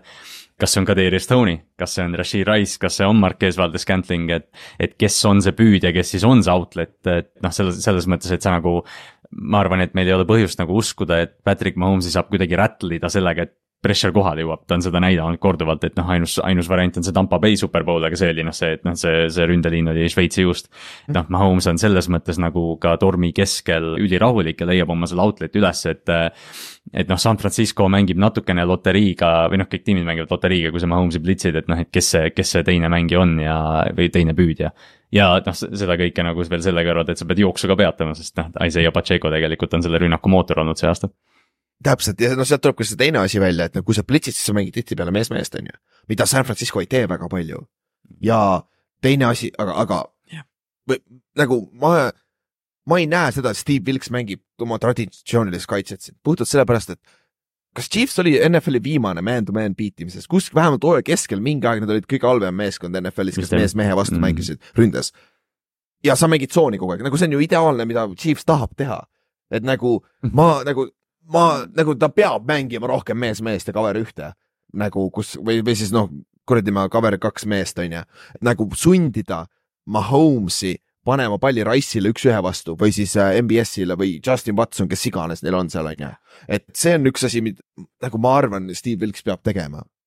aga sa nimet-, sa mainisid seda Tampa Bay Superbowli, kus äh, jah, kus Chiefsi ründeliin oli nagu Šveitsi juust, aga neil on äh, Joe Tooney asendaja on äh, Nick Algeri äh, kaardi peal ja Joe Tooney arvatavasti ei mängi ja Algeri mängis enam-vähem hästi mm.. Ravensi vastu, aga teie, teie, teie poisid keskel olid väga tihti backfield'is ka, et nüüd sa maksid Hargrave'ile selle ropu raha see aasta San Francisco. Arik Armstead, ma tean, et sa oled juba vana, aga te kahekesi peate Havocit create ima, eriti kui Tyler Smith, teine kaart, kellel oli kaks suurt holding penaltit vaata Ravensi vastu. et nagu te peate suutma võita need match-up'id, eriti kui üks Creed Humphrey aitab kumbagi neist, aga ta ei saa mõlemat aidata. et nagu üks peab teist need üks-ühed ära võitma, et nagu see on megatähtis match-up minu meelest seal ründeliini, kaitseliini keskel ka. ja, ja et- et... täpselt sama, sama tähtis on võib-olla ka Chase Youngi roll selles mängus, et noh, et kes selles mõttes, et, et see trade oli väga suur lüke trade deadline'i ajal ilmselt võib-olla kõige suurem või noh, kõige nimekam selles osas, et noh, San Francisco'l oli seda teist tüüpi vaja. ja noh, ta ei ole nagu seni veel välja paistnud, aga noh, noh, see on see mäng nüüd, teeni oma sada miljonit ja biidi, kes iganes see siis, Jawan Taylor või, või Donovan Smith, kes, kes hooaja lõpus mängis paremini uh,. noh, need pass rusher'id peavad kohale jõudma neljakesi tõenäoliselt, nagu sa ütlesid täpselt, no kõige parem, kui sa saad neljakesi pressure'it, sa saad ju coverage'isse rohkem mängida jätta, see on lihtsalt lihtne matemaatika, kuidas kuidas sa, kuidas heade quarterback'ide vastu mängida. on iga tiimi unistus on neljaga kohale jõuda, eks ju, et noh, see on alati. ja Nick Postat me ei ole veel eriti maininud, aga Nick Posta on tegelikult nendest kõige stabiilsem olnud, ta mängib tegelikult väga heal tasemel ja Lionsi vastu mängis ka, ta oli ainuke asi, bright spot seal kaitseliinis ausalt öeldes, et nagu arvatavasti tema Javon Taylori vastu, nende right tackle'i vastu teeb oma ära, aga tal on vaja abi mujalt ka, et Mahomes on elajas. Nagu see on lihtsalt jabur, mida see vend suudab teha, et see läheb keeruliseks, onju, aga sa mainisid jooksukaitset korra. San Francisco on hästi huvitav stat, nagu nad on vist üks parimaid jooksukaitseid jardide poolest aga nagu kui sa analüütiliselt vaatad nagu yards per carry'd on väga halvad tegelikult, nende jooksukaitse ei ole tegelikult hea, aga kuna nad võidavad nii palju, lähevad tihti juht, juhtima kohe alguses, siis meeskonnad ei jookse nende vastu enam, et nagu see on hästi-hästi naljakas, kuidas statistika võib natukene valetada. aga mis sa arvad? see jääb, nagu Andy Reid ei vii- jookse kunagi rohkem ju, kui söödab, ometi ta ei, ta ei tee sellist lüket siin ju Superbowlil ju, Mhm. aga Pacheco, aga kui, ma kui nagu tegelikult ei usu, et noh, et me võib-olla oleme nagu tiimide fännid, kes võib-olla teeksid seda, eks ju, et no või noh, ma, ma annaks kõik, et Ravens saaks natukene rohkem joosta muidugi Chiefsi vastu. aga noh, see on, ma, ma kahtlen ka, et selles mõttes, et me räägime sellest mängust välja tulles, isegi kui see on nagu close mäng, et. et oo oh, kurat, Pacheco kakskümmend neli carry't ja, ja sada kaks jardi, eks ju, või no mingi sihuke, et noh, et see, ma arvan, see pigem see mäng on ikkagi explosive ite peale üles ehitatud, kui, kui selle peale, et see tuleb mingi metoodiline jooksumäng seal ja ma arvan ka pigem, et nagu Pacheco, Pachecol tuleb mingi asi, vaata nagu eriti, ma arvan, Pachecol on väga suur roll, kui Chiefs läheb kohe ette, täpselt nagu Ravensi vastu, siis ma näen, et Pachecol on väga suur roll yeah.. aga kui, kui Chiefs jääb tagarolli, isegi kui Andy Reid on, ma arvan, ta paneb palli Mahomes'i kätte, mis on, olgem ausad, on parem optsioon.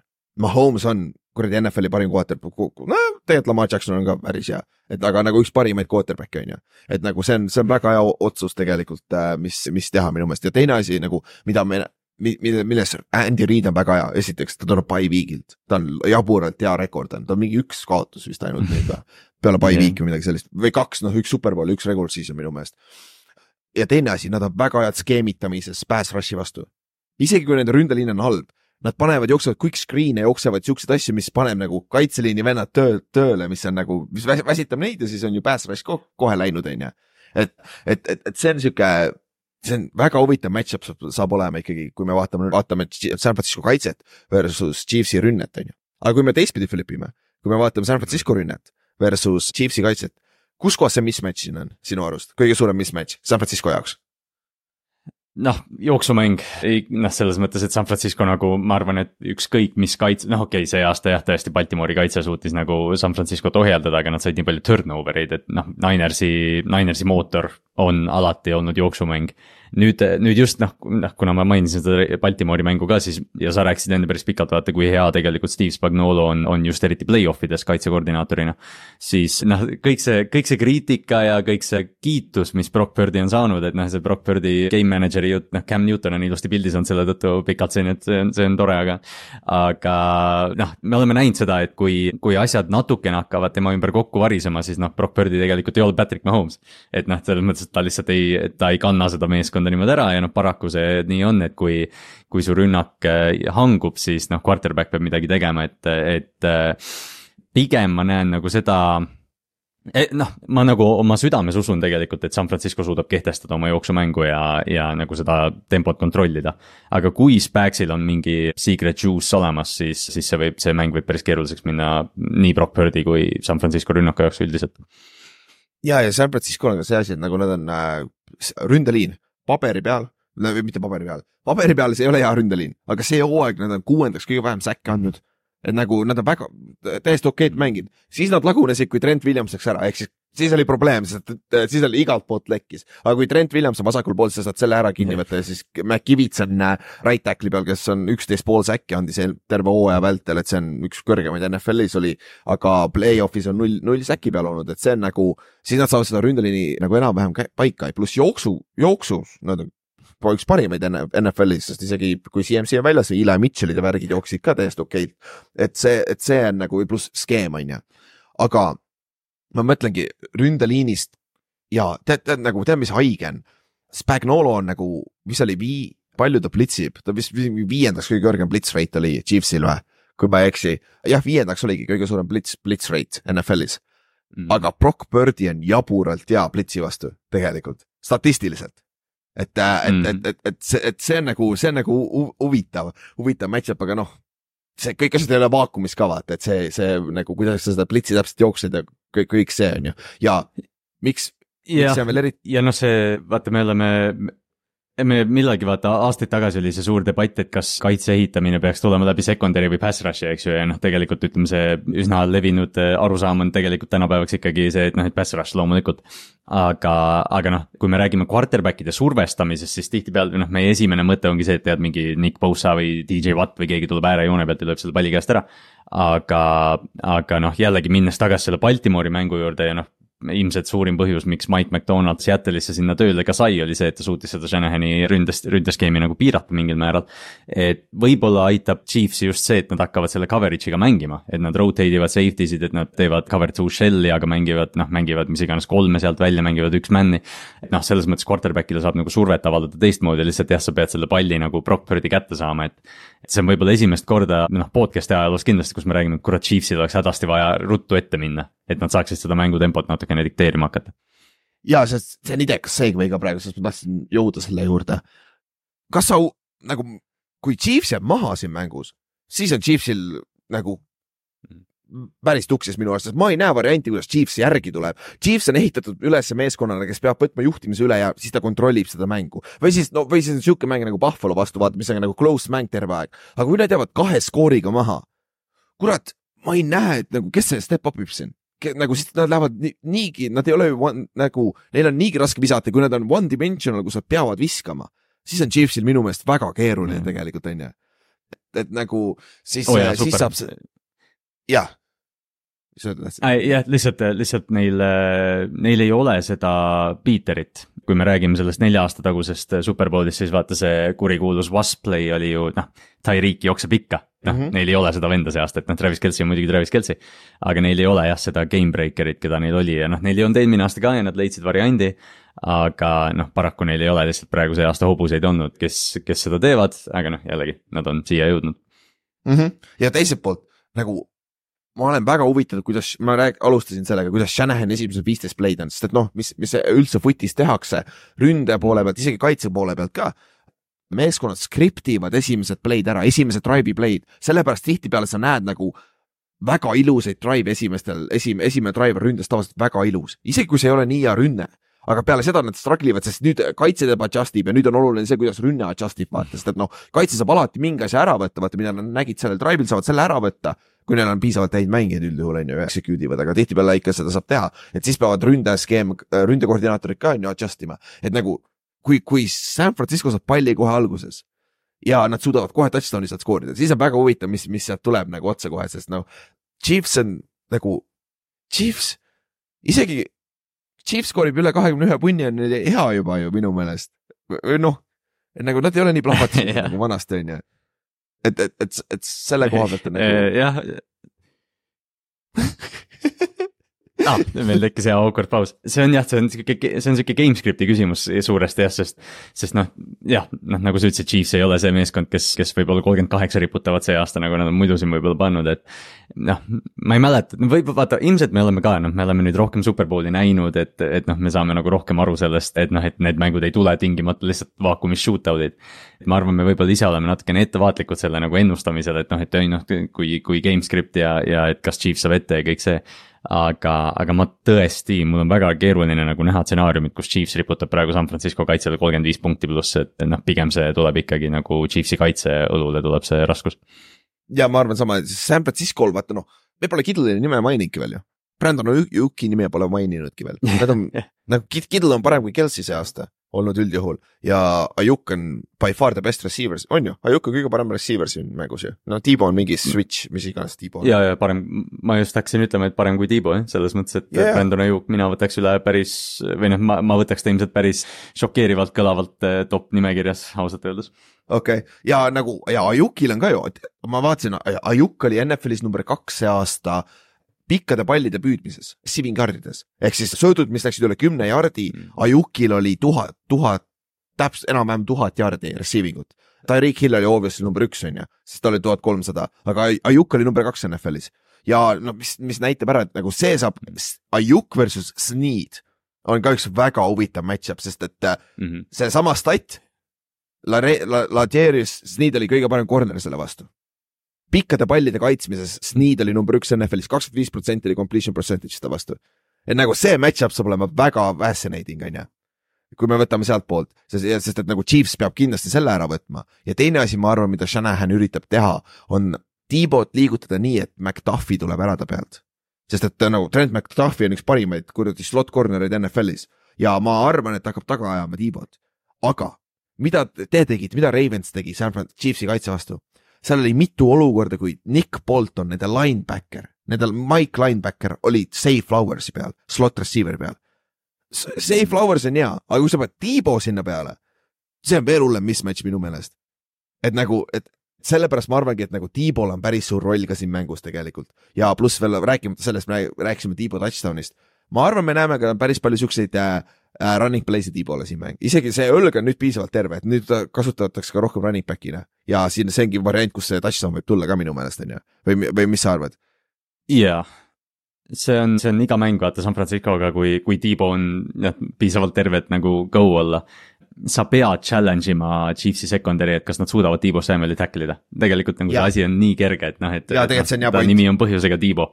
et noh, sa rääkisid just Nick Boltonist, okei okay,, et noh, et ütleme, ütleme, ta pääseb Nick Boltoni vastu valla, Nick Bolton on liiga aeglane, okei okay,, me Jah. siis jätame Trent McDuffi peale, Trent McDuffi on liiga väike. et noh, Tiibo Samuel on, ta on küll tihti vigane ja noh, ma ei tea, temaga kaasnevad, et noh, kes ta päriselt on, kas ta on püüdja, kas ta on mingi hübriid.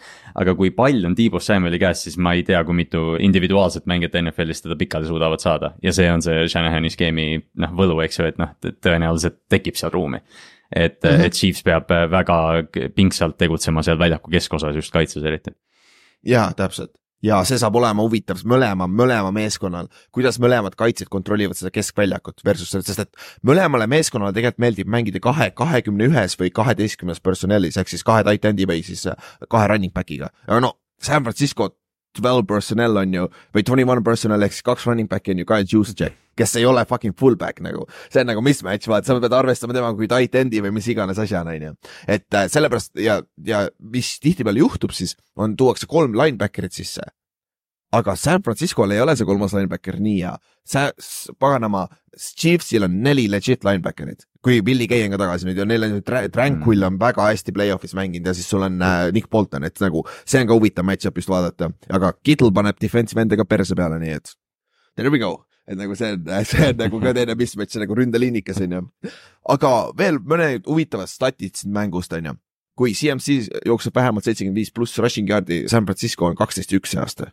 Lebo, ehk siis no obviously see touchdown ja San Francisco võit on nagu nii, need käivad käsikäes nagu siis äh, Chiefsi mm. -hmm. kaitse on viimasest kaheksast mängust seitsmes mängus hoidnud vastased alla kahekümne ühe punni.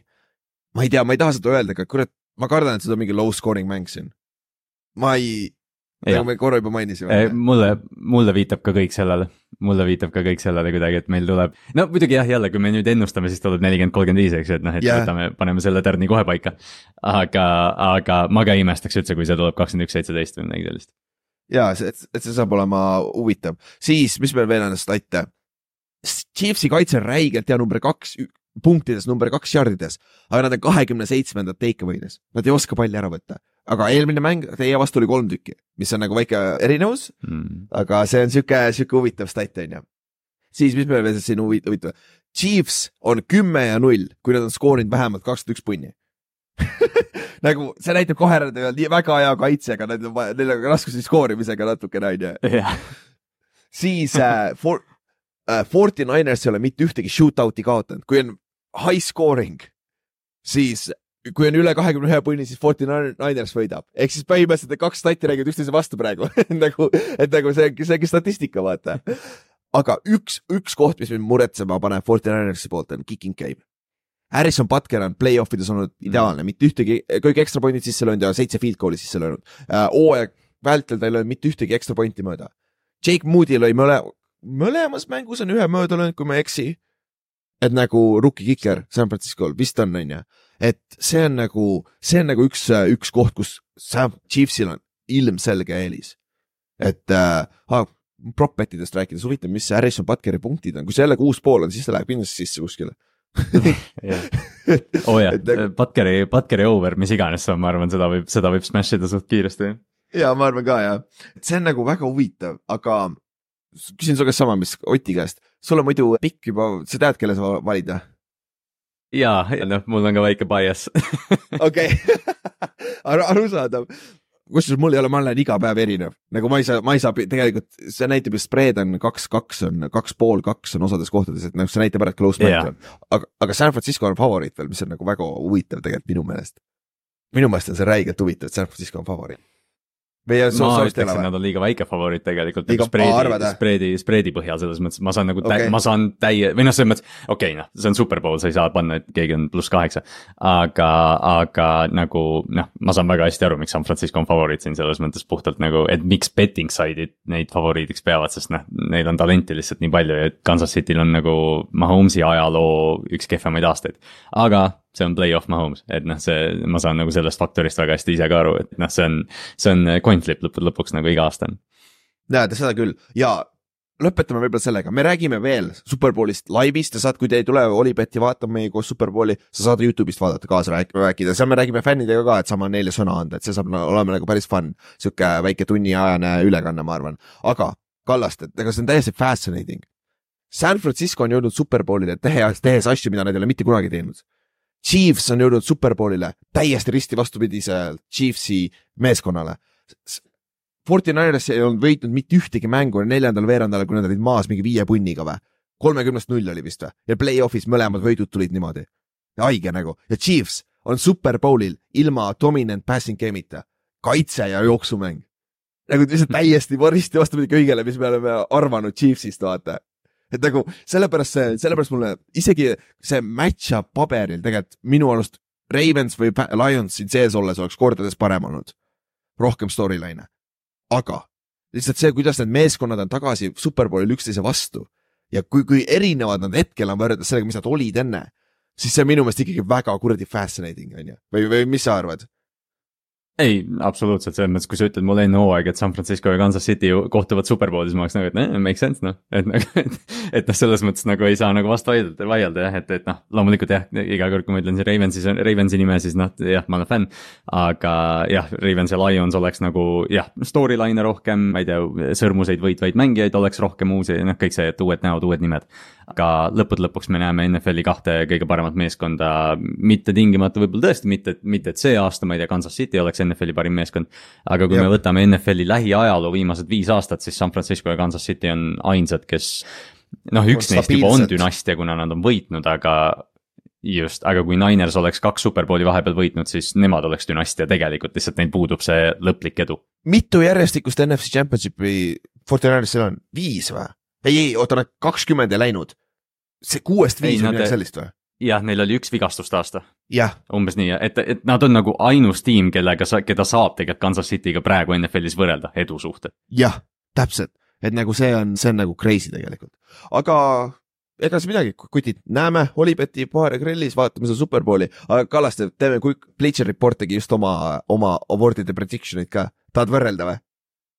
noh, davai, kähku läbi, Coach of the year, on Demeco Ryans, pika puuga, huvitav, huvitav, aga St- Stefanskil on legit argument tegelikult, väga legit argument, nagu see on jõhker, mis ta tegi selle sita kõik tegelikult. Offensive player of the year, lihtne CMC köögil, see on clean sweep. Miles Garrett on defensive player of the year, aga tal on äh, ühe punktiga võitis DJ Watti ees, aga DJ Watt ja Miles Garrett olid ainukesed, kes punkte said. et nagu see, see on, see oli huvitav mm.. Rookie of the year, offensive rookie of the year, CJ Stroud lihtne on ju, defensive rookie, rookie of the year, neil on Will Anderson kuue vote'iga seitsmest. See oli päris ühepoolne ikkagi mm. Tegelikult. ei no jah, ja noh. Jalen Carter ei saanud ühtegi häält. No, see on jõhker tegelikult selles mõttes ma saan nagu täitsa aru. jah, et jah, Kobe Turner oli ainuke, kes sai äh, hääle. nagu see on müts maha, nagu Kobe Turner mängis tõesti hästi nose tackle'i peal. Comeback player of the year on Joe Flacco, aga sa võtsid Ha- Hamlini välja või? ah, see on mingi jah, jah, jah, mis iganes, see, see on ras raske öelda see aasta, vaata, on ju. siis, mis meil veel puudu on? Most improved player of the year on ka neil ja ma- MVP Lamar muidugi, on ennamas, jah, lihtne. et siis, aga see aasta vähemalt äh, sihukest äh, vaidlemist natuke rohkem, eelmine aasta oli päris straight forward, me panime kõik paika eelmine aasta, vaata mäletad. et, et, et see oli, see oli nagu huvitav panime kõik täppi jah. jah, müts maha, endale ka pai tegema vahepeal.